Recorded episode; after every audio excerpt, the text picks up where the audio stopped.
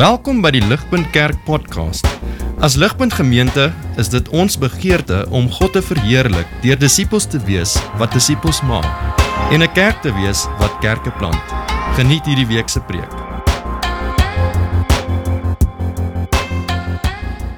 Ek het ek het 'n bietjie inisiatief geneem. Ehm um, dit mag dalk duidelik wees. Omdat die teksgedeelte so lank is, het ek my eie opskrifte in die teks ingesit. So dis nie geïnspireerde opskrifte in hoofstuk 40 en ehm um, 41 nie drome verklaring vervulling drome verklaring vervulling is maar net wat daar gebeur. En so ek gaan dit nie noodwendig ehm um, die hele tyd sê ek is nou daar of ek is nou daar nie, maar dit hopelik sal dit duidelik wees soos wat ons deur die ding gaan ehm um, dat dit is wat besig is om te gebeur. Ek gaan vir ons bid. Ek gaan vra dat God ons genadig sal wees dat hy ons energie sal gee en dat hy ons sal help om te verstaan wat hierdie twee merkwaardige hoofstukke um, in sy woord vir ons sê. So kom ons bid saam. Vader ons dankie dat ons ver oggend hier bymekaar kan wees. Ons dankie dat ons mense kan wees wat U kan aanroep as Vader en wat kan staatmaak op die werk van die Gees in ons lewens. En so Vader, ons wil vra dat U ver oggend deur U Gees kragtig in ons harte sal werk. Sal U ons help om U te sien? Sal U ons help om U woord te verstaan? En Vader, sal U ons help om met nuwe ywer en lewe en liefde vir U ver oggend hier uit te gaan. Help ons asseblief om te hoor hoe U met ons praat uit Genesis uit, uit die begin uit.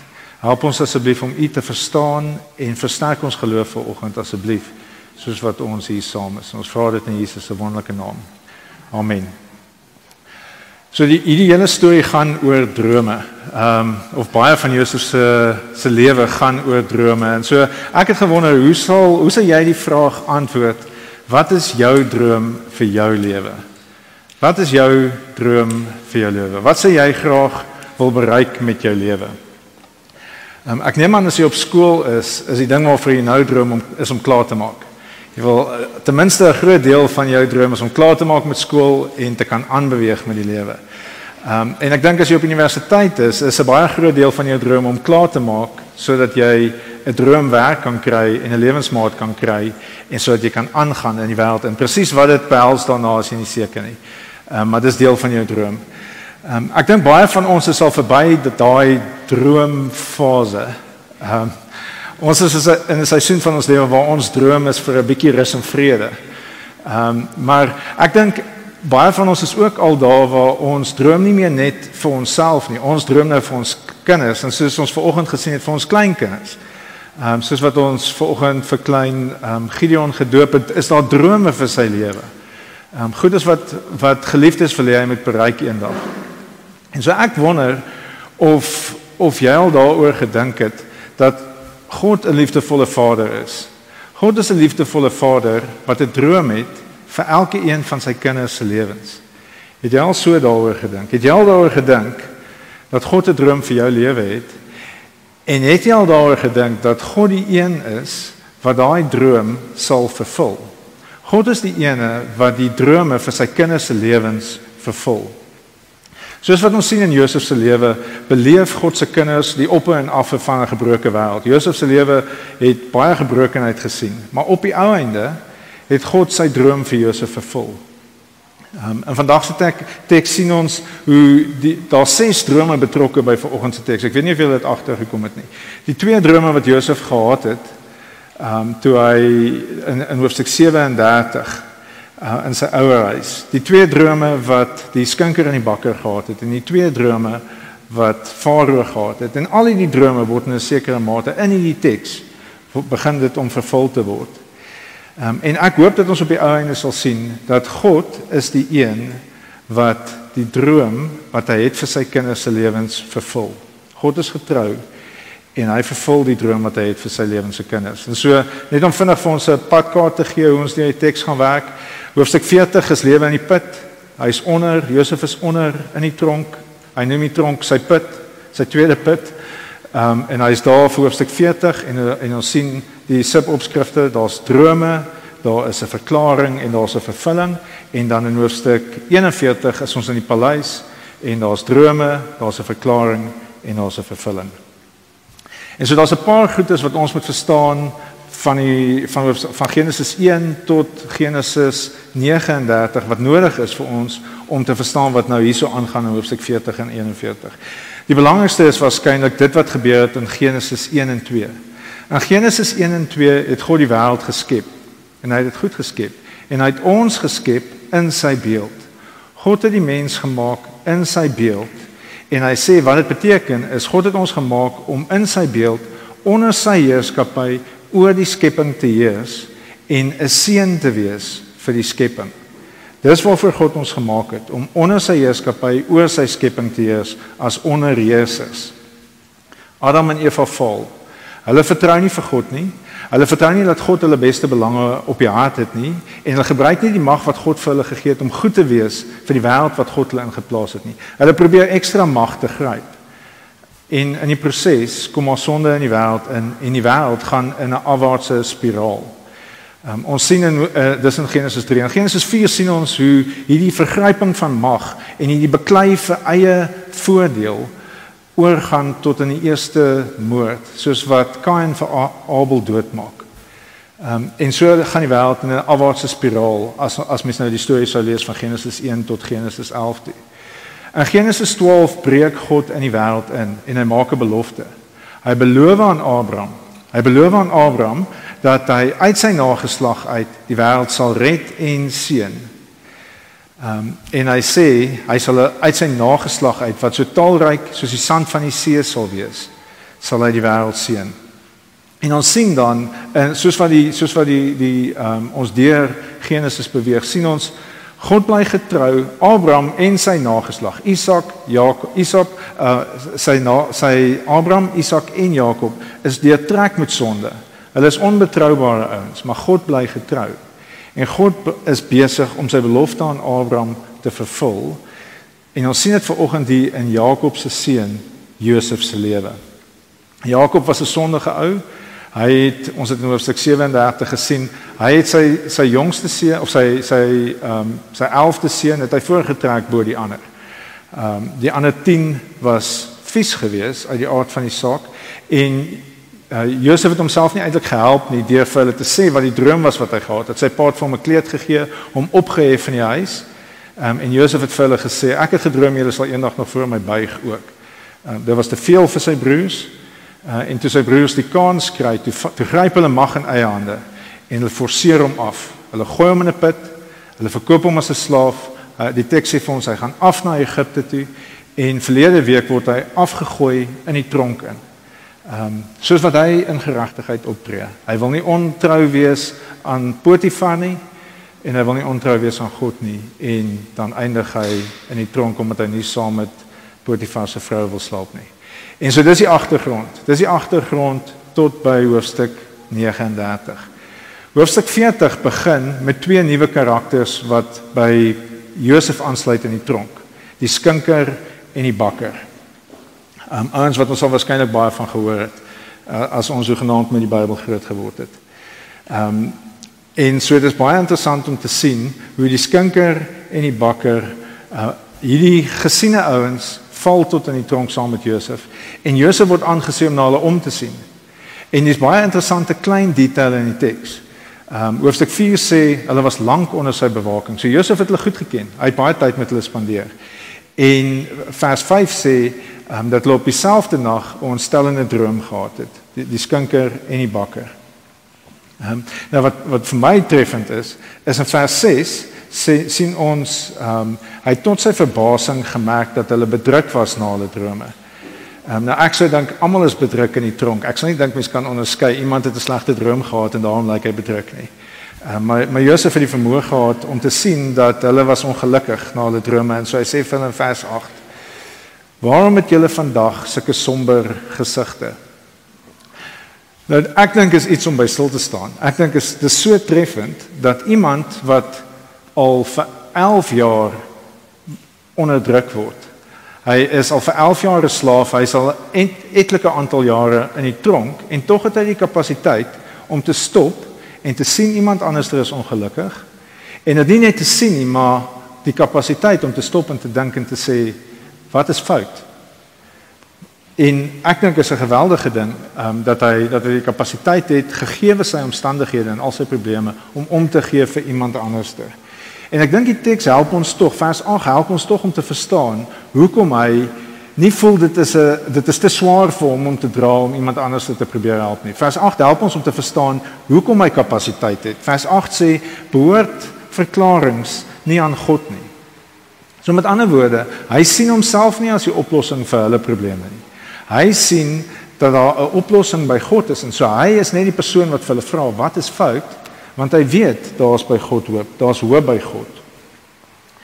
Ehm um, en so dan vertel hulle vir hom wat die wat die wat die drome is en hy gee vir, vir hulle 'n verklaring.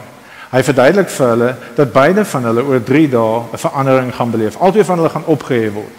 Die een figuurlik en die ander een fisies. So die die die skinker word opgehef en hy word in ere herstel figuurlik.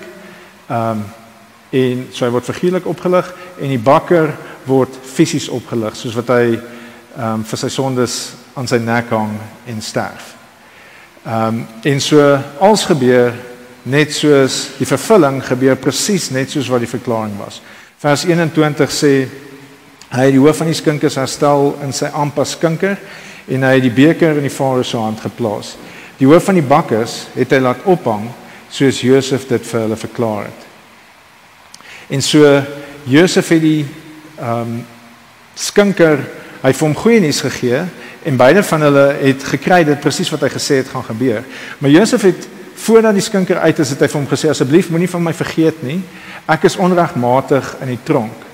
Ek is verkoop as 'n slaaf uit my geboorteland uit en ek is in die tronkie so en ek is onskuldig. Moenie van my vergeet nie.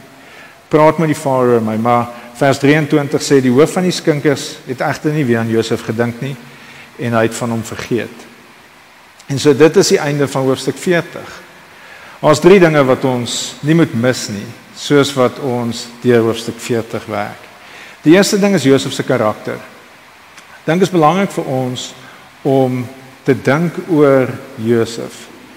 Josef het baie onreg in sy lewe uh beleef. Ek dink dit sou verstaanbaar gewees het vir hom om 'n harde, verbitterde ou te wees. Maar daar's iets in Josef se lewe wat hom die kapasiteit gee om om te gee Dis sy vertroue in God wat hom in staat stel om om te gee, wat hom bruikbaar maak in God se hand en wat die rigting van van van die hele storie verander. Um, ons kan leer van Josef. Ons kan leer dat ons kapasiteit kan hê om met ander te praat en hulle probleme aan te hoor omdat ons nie die een is wat hulle hoef te red nie. Ons is nie die een wat hulle hoef op te lig nie. Ons is die een wat hulle na God toe kan wys wat hulle wel kan ophef en wat hulle kan help. Ehm um, en dit is interessant hierso om te sien hoe God dit gebruik. Daai belangstelling in iemand anders se lewe is 'n klein dingetjie wat op die ou einde lei van uh dat dat Josef beweeg van uh van die tronk af tot aan die paleis. Dit is 'n klein dingetjie en Josef het dit nie gedoen omdat hy gedink het God gaan dit gebruik nie.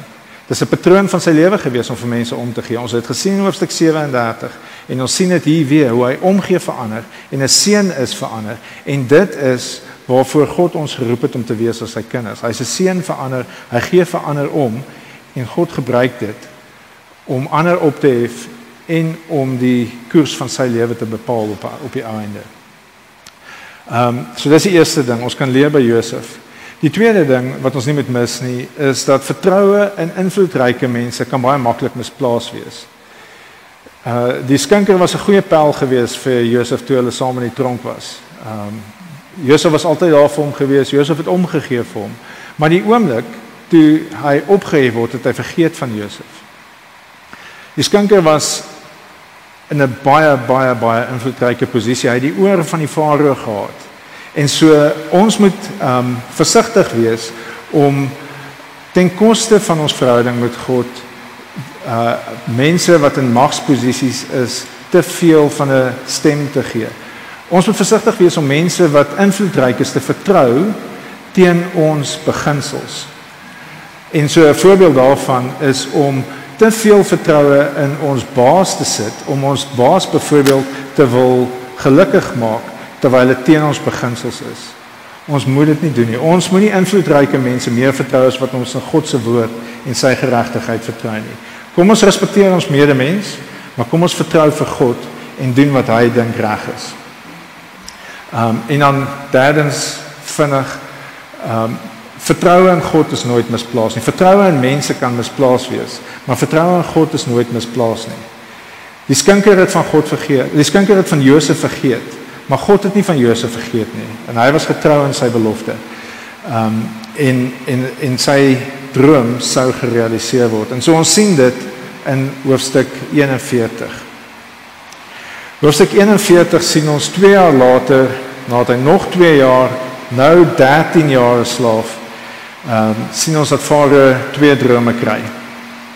Um in vers 8 sê vir ons: Die oggend was sy gees onrustig en hy ontbied toe al die waarsêers en wyses van Egipte.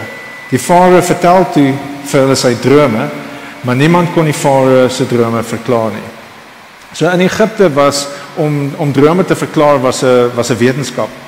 Dis 'n dis deel van hulle kultuur gewees. Dis amper soos ons as ons 'n probleem het, dan kry ons die wyses van ons tyd in. Ons kry die CA's, ons kry die aktuariërs, ons kry die ingenieurs, Ehm um, as laaste uitweg kry ons die prokureurs in en ons vra vir hulle, wat moet ons doen? Hoe moet ons hierdie probleem oplos? Ehm um, en die wyses van daardie tyd kon nie die droom oplos nie. Daar was nie vir vir vir Farao vir sy onrustigheid 'n antwoord by die wysheid van die tyd nie. En toe onthou die skinker ewe skielik, maar daar was 'n tyd gewees en daar was 'n ou gewees. En hy vertel toe, hy het nog steeds die oor, hy het nou weer die oor van die Farao en hy vertel toe weer vir hom, weet jy Farao, Ek het 'n droom gehad. Die droom is vir my verklaar en die droom is vervul presies soos wat die ou gesê het. Sy naam is Josef en hy is in die tronk. En vers 14 sê vir ons hulle het te vinnig vir Josef laat haal, maar ook daar was tyd om baie interessante detail. Daar was tyd vir hom om geskeer te word en daar was tyd vir hom om netjies aangetrek te word, soos wat hy van die tronk af na die paleis toe opgaan. Ehm um, die skinker het vir Farao gesê dat dat Josef sy drome verklaar het, maar dis nie wat Josef oorspronklik vir vir die skinker gesê het nie. Josef het vir die skinker gesê dis God wat dis by God wat die verklaring lê en so herhaal dit vir die Farao. As hy voor die Farao kom, dan verwag die Farao Josef kan hom help, maar maar Josef sê weer nederig, sê hy vers 16. Josef het die Farao geantwoord: Dit berus nie by my nie Net God kan 'n gunstige antwoord gee vir die Farao. En dit is interessant, Josef het hier geleentheid om homself te bewys. Josef Josef het hier geleentheid om die magtigste man in die wêreld se guns oor te wen. En hy doen dit nie. Hy gryp nie God se glorie vir homself nie. Hy bly nederig en hy sê nee, die antwoord is by God. Die oplossing is by God. En so ehm um, hy verklaar dan vir vir Farao sy drome vers 28 sê die verklaring dit is soos wat ek vir Farao gesê het wat God gaan doen. Um, wat God gaan doen het hy die Farao laat sien. Kyk daar kom 7 jaar van groot oorvloed in die hele Egipte land maar daarna breek daar 7 jaar van hongersnood aan. En al die oorvloed van Egipte land sal vergete wees. Die hongersnood sal die land uitmergel. Dis die verklaring van die twee drome En die ding wat dan weer uitstaan wat mense half nie verwag soos wat mense die teks lees nie, is Josef wat hierdie nederige ou is wat sonder dat die die ehm um, farao om enige iets vra, gee hy hom 'n oplossing. Nou dit is ehm um, dis 'n gevaarlike ding om met 'n magtige ou wat geïrriteerd is en wat onseker is en wat slapelose nagte gehad het, sommer te sê wat jy dink. Dit is 'n gevaarlike ding. Stel jouself voor ehm um, dat hulle dat dat president Putin laat uh, iemand uit die tronk uithaal om 'n getuienis te kom gee oor 'n uh, insident, 'n spanningsvolle insident in sy domein en sy area waar waar hy beheer is. Ek dink daai ou sal waarskynlik net sê wat hy gesien het en probeer om al weg te kom omdat hy bang is. Maar Josef doen dit nie. Josef volunteer inligting. Hy sê hierdie ouetjie wat vandat hy 17 is 'n slaaf is, kom op 30 voor die magtigste man in die wêreld te staan en hy sê vir hom: "Hierdie is die verklaring En hierdie op die ingewing van die oomblik sê hy vir hom en hierdie is die plan wat hierdie krisis kan afweer en wat dit in seën vir die hele wêreld in kan laat verander. Die grootheid van dit dink ek is baie keer mis ons. Ons mis hoe uitsonderlike voorstel dit is en hoeveel guts dit gevat het vir Josef om vir die farao te sê wat om te doen. Hy kon dit slegs doen omdat God hom gehelp het. Hy was nie so merkwaardige ou in sy eie reg nie. Hy was merkwaardig omdat God hom merkwaardig gemaak het en die Farao sien dit en die Farao se dienaars sien dit. Vers 37 sê die saak was goed in die oë van Farao en sy dienaars. En die Farao het vir sy dienaars gevra: "Sal ons so iemand vind, 'n man in wie die gees van God is?" Farao en sy dienaars het gesien dat God met hierdie ou is en dat dit God is wat hom in staat stel om hierdie waarhede te kommunikeer. En ons moet sien as ons terug staan, moet ons sien dat dit God is wat besig is om Josef se droom te waarheid te maak.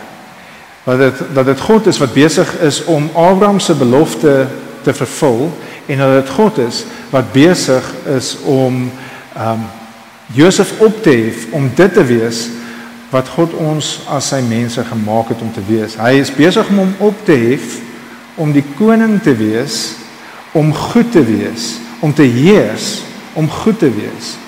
En so toe hulle toe hulle Josef se hare afgeskeer het en sy baard afgeskeer het, was hulle besig om hom was hy besig om getransformeer te word om soos die koning te lyk. Ehm um, vers 42 sê hulle hy het toe die seelring van die koning gekry. Die seelring het 'n het die beeld van die koning op.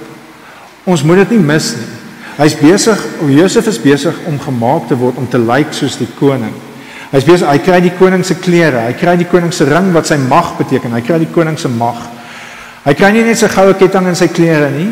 Hy kry ook sy strydwa en soos wat hy in die straat afry met die mense voor hom buig. En so wat is wat wat sien ons wat is besig om te gebeur met Josef?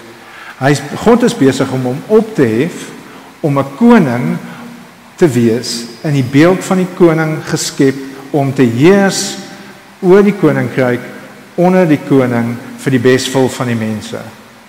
God is besig om hom te red om 'n seën te wees vir die wêreld, soos wat Adam en Eva veronderstel was om te wees. En in die proses is hy besig om ehm um, die belofte aan Abraham te vervul en hy's besig om ehm um, om die droom wat Josef gehad het te vervul.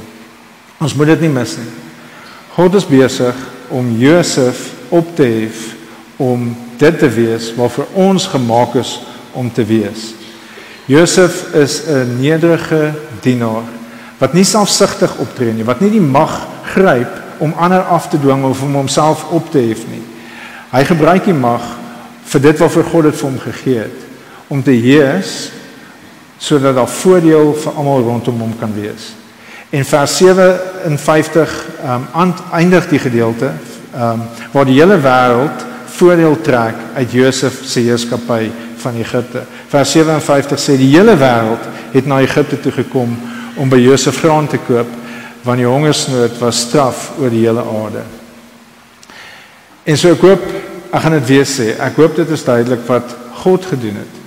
God het vir Josef opgehef om 'n seën te wees vir die wêreld soos wat ons gemaak is om te wees. En dit is 'n vervulling van die belofte wat God aan Abraham gemaak het. En ons sien dit, die skrywers skryf vir ons, gee vir ons 'n klein detail daarom te sien dat dit 'n vervulling van die belofte aan Abraham is. Kyk saam met my na vers 49. Soos wat ons sien hoe God vir Abraham vir Josef seën om die belofte aan Abraham te vervul. Josef het graan opgegaar soos die sand van die see. Hy het nie 'n bietjie graan bymekaar gemaak nie. Hy het 'n spesifieke hoeveelheid graan bymekaar gemaak. God het hom geseën om ontelbaar graan bymekaar te maak en ons moet sien dat hy geseën is om 'n seën te wees, om die wêreld te red. God het vir Josef opgeref om 'n seën te wees sodat hy 'n seën vir die wêreld kan wees. En so Ons sien hierso hoe God besig is om sy droom vir Josef te vervul. Ehm um, God se droom vir Josef word waar. Ehm um, God stel sy nederige dienaar in staat om die beeld van sy hemelse Vader uit te leef, om 'n goeie koning te wees, 'n goeie onderkoning te wees wat heers oor die skepping en wat heers vir die voordeel van almal rondom hom met die Godgegewe wysheid wat God vir hom gegee het. God help hom om 'n seën vir die wêreld te wees. En so wat beteken dit vir ons? Wat is dit wat ons moet besef soos wat ons na hierdie gedeelte kyk? Ek dink eerstens moet ons besef dat Josef is 'n prentjie van Jesus. Jesus is 'n Josef is 'n prentjie van wat Jesus vir ons is. Josef is 'n gedeeltelike vervulling van die belofte van God aan ons. Maar Jesus is 'n volkomme vervulling van God se belofte aan ons. Die patroon van Jesus se lewe is presies dieselfde. Jesus gaan van die die troonkamer van die hemel. Hy kom af aarde toe. Hy word gestraf vir ons sondes. Hy laat homself aan die kruis hang en God hef hom op. God hef hom op tot waar hy nou in die regterhand van God sit in die hemel. Ehm um, waar hy regeer vir ons almal se voordeel en ehm um, onder God se heerskappy. En ons sien dat Jesus dit gedoen het om ons met God te versoen sodat ons nou agente van goedheid kan wees in die wêreld waarin ons woon. sien, ehm um, ons mag dalk skrikkerig wees soos Josef. Ek kan verstaan dat Josef so bang wees soos wat hy geroep is om na die Farao toe te gaan en in die waarheid te gaan praat en 'n verskil te gaan maak. Ek dink ons is baie keer skrikkerig om dit te doen waartoe Jesus ons roep om te gaan en om 'n seën te gaan wees in 'n wêreld waar ons voel ons het nie die wysheid nie, ons het nie die karakter om 'n verskil te gaan maak nie. Uh, maar Jesus het vir sy disippels gesê hulle moenie bang wees nie. Hulle moenie bang wees as hy hulle agterlaat nie. Ehm um, hy het vir hulle in Johannes 14 vers 12 gesê, "Fanie, as jy dit vir ons kan opsit op die op die skerm." Hier's wat hy vir hulle gesê het net voordat ehm um, voordat hy kruis toe is. Hy sê vir hulle, "Ek sê vir julle, wie my glo, Hy sal ook die werke doen wat ek doen. Hy sal nog groter dinge doen um, omdat ek na die Vader toe gaan en dan gaan hy aan om vir hulle te sê hoe is dit dat hulle wonderlike dinge gaan doen. Hierdie ouens wat swak is en wat onseker is oor waartoe hulle in staat is. Hoe gaan hulle doen?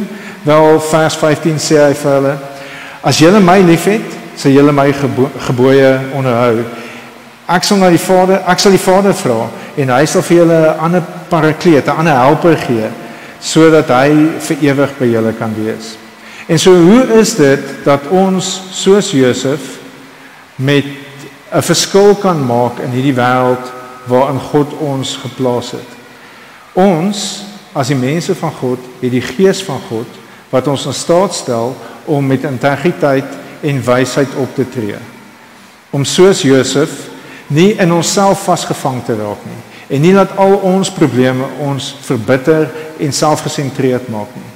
Maar om soos Josef uit te kyk, om te weet die antwoord lê by God. God is die een wat die verskil sal maak. Ons het nodig om God te vertrou en die waarheid in liefde te praat en 'n seën te wees vir almal rondom ons. God help ons deur vir ons sy gees te gee om sy beeld uit te lewe in die wêreld waarin hy ons geplaas het. Hy help ons om um, waar ons woon en werk instrumente van geregtigheid te wees soos Josef. En so ek sluit vir ons af met vyf vinnige toepassings. Ek gaan baie vinnig doen. Ehm um, die eerste ding is ons moet werk, ons moet woon en werk soos iemand wat die gees van God het. Dit was baie duidelik vir Farao en vir sy dienaars dat Josef die gees van God gehad het. Hy het 'n wysheid gehad en 'n integriteit gehad wat nie geken was in sy tyd nie. Ons as dienaars van God het die gees van God en ons word geroep om soos Josef te werk asof ons die gees van God in ons het. In die wêreld waar ons onsself bevind, of dit nou by die werk is waar daar 'n ongesonde kultuur is of dit in die samelewing waar ons waar ons onsself bevind waar daar korrupsie is, waar daar minagting is van ehm um, van die die waarde van lewe of dit is by die huis waar ons voel ons het nie die wysheid of integriteit om goeie ouers te wees nie. Ons moet besef ons het die gees van God wat ons in staat stel om met wysheid en integriteit op te tree. En ons moet ons hoop vind by God. So ons moet ons moet lewe soos mense met die gees van God. Tweedens. Ehm um, magsmisbruik sal nie end uit volhou nie. Josef se broers het hulle fisiese mag gebruik om hom af te druk. Potifar se vrou het haar verhoudingsmag gebruik om hom af te druk. Um, en Potifar het sy posisionele mag gebruik om vir Josef af te druk. Maar God het nie toegelaat dat daai magsmisbruik end uit volhou nie. God het hom opgehef. En so ons hoef nie bang te wees vir magsmisbruik nie. God sal geregtigheid laat geskied.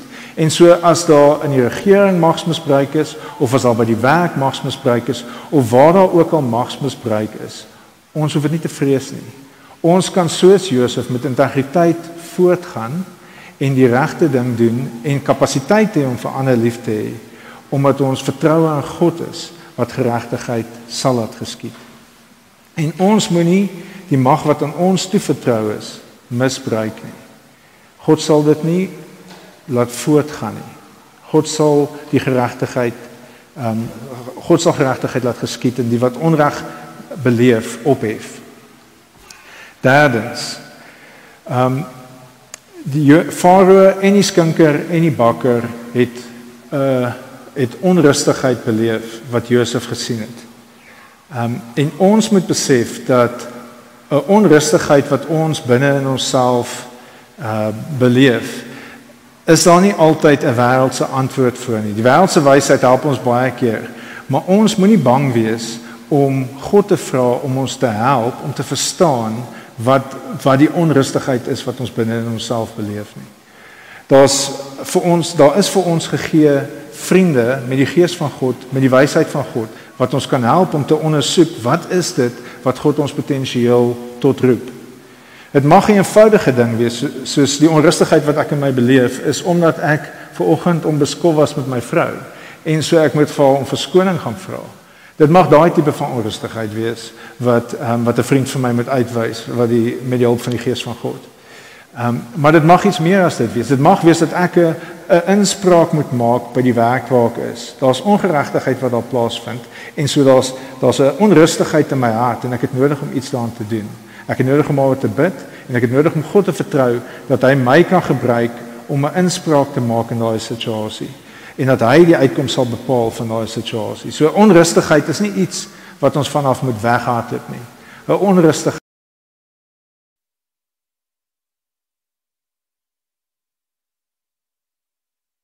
Ehm um, wat sê om om te dien in en en gebruik te maak van die geleenthede wat God vir ons gee by die werk op kommissies te dien. Waar dit ook al mag wees om te besef dat ons het die gees van God binne in ons en God stel ons in staat om met integriteit en nederigheid 'n verskil te maak. Ons moet soos Josef in die wêreld wees, maar nie van die wêreld nie. Ons moet aanhou om God te vertrou selfs al lyk ons 'n klein bietjie soos of geweldig baie soos Egipte, maar ons word nie soos Egipte nie. Ons droom nie die drome van Egipte nie. Ons droom God se drome. En so wat is God se droom vir ons lewens? Ek sluit daarmee af. God se droom vir ons lewens is om dit te wees waarvoor hy ons gemaak het en om dit te wees waarvoor hy ons gered het. God het ons gemaak om onder sy heerskappy oor sy koninkryk te heers vir die voordeel van almal met sy wysheid en met sy hulp. En dit is waarvoor hy ons gered het. God het ons gered om met sy gees se hulp ehm um, te die in die wêreld 'n verskil te gaan maak en uh die in 'n sekere sin die wêreld te red soos wat Josef hulle gered het deur God se wysheid te kommunikeer en te vertrou dat God in beheer is. Um, en dat God op die ou einde geregtigheid sal laat geskied. Kom ons bid saam. En kom ons vra dat God ons sal help um, om soos Josef om te vertrou. Vader ons dankie vir die storie van Josef. Ons dankie dat ons baie duidelik kan sien dat hy iemand is wat ehm um, met foute soos ons ehm um, maar tog baie diep bewus was van u goedheid en dat hy u kan vertrou en dat um, ons duidelik in die storie kan sien dat u hom opgehef het. Vader, dankie dat U 'n God is wat U mense in staat stel om wonderlike dinge te doen en tot voordeel van die hele wêreld op te tree. Vader, help ons asseblief om te besef dat ons mense is, as ons in U vertrou, as ons U dienaars is, is ons mense wat U Gees het. Help ons asseblief om op U Gees te vertrou. Stel ons in staat om nie net vir onsself te lewe nie, nie mag in ons eie hande in te gryp en vir ons eie voordeel te lewe nie. Maar help ons om vir die voordeel van die mense rondom ons te lewe sodat U naam groot gemaak kan word en sodat ons ons skepingsdoel en ons verlossingsdoel kan bereik en dat ons U gelukkig kan maak en dat ons U naam groot kan maak met die lewens wat U vir ons gegee het. Ons vra dit in Jesus se wonderlike naam. Amen. Vir meer inligting oor Ligpunt besoek gerus ons webwerf op www.ligpunt.com of kontak ons gerus by info@ligpunt.com.